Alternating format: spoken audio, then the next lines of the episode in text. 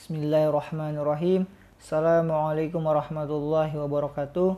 Allahumma salli ala Sayyidina Muhammad wa ala ali Sayyidina Muhammad. Perkenalkan, saya Andi Muhammad Ikram, salah satu mahasiswa Sekolah Tinggi Ekonomi Islam SEBI Depok. Kali ini saya akan membahas mengenai wakaf uang dan wakaf melalui uang.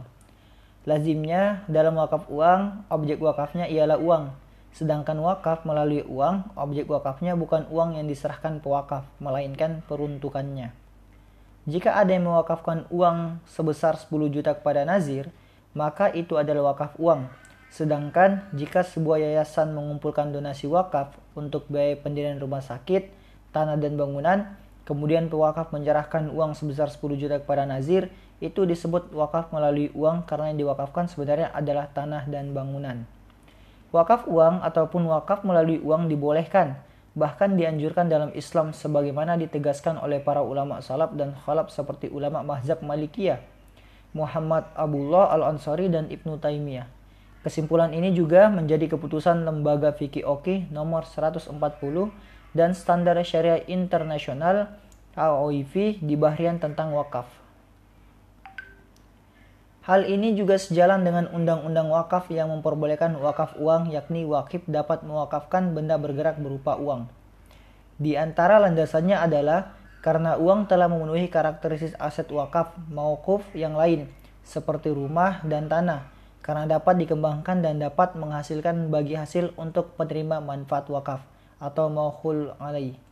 Sesuai dengan hadis Rasulullah SAW, artinya dari Ibnu Umar bahwa Umar bin Al-Khattab mendapatkan tanah di kota Khobair. Lalu dia mendatangi Nabi untuk meminta petunjuk pada beliau tentang tanah tersebut. Dia berkata, "Wahai Rasulullah wasallam, sesungguhnya aku mendapatkan tanah di kota Khobair. Aku tidak pernah mendapatkan harta sama sekali yang lebih berharga padaku darinya. Maka apakah yang Anda perintahkan tentang tanah itu?" Beliau bersabda, "Jika engkau mau, engkau menahan pokoknya dan engkau bersedekah dengan hasilnya.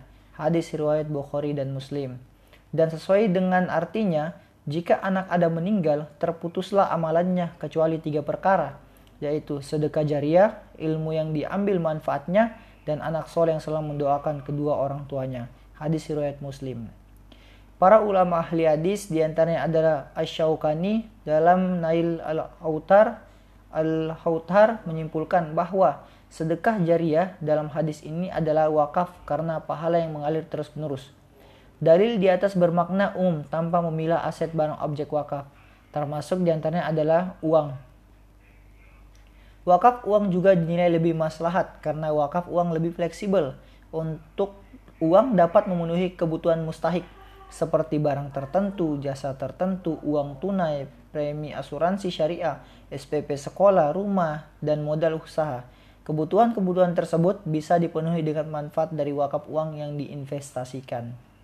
Selanjutnya, seluruh rukun dan syarat wakaf berlaku dalam wakaf uang. Di antaranya harus dikembangkan agar menghasilkan bagi hasil atau manfaat untuk diberikan kepada penerima manfaat.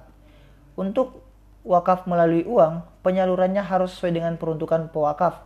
Jika pewakaf ingin berwakaf tanah dengan menyerahkan sejumlah uang tertentu, Nazir membelikan tanah sebagaimana aset wakaf di samping itu, uang tersebut dibelikan aset yang tidak habis umur produksinya dengan dikonsumsi, dikonsumsi dan aset tersebut berjangka panjang agar menjadi sedekah jariah yang mengalir pahalanya kepada pewakaf.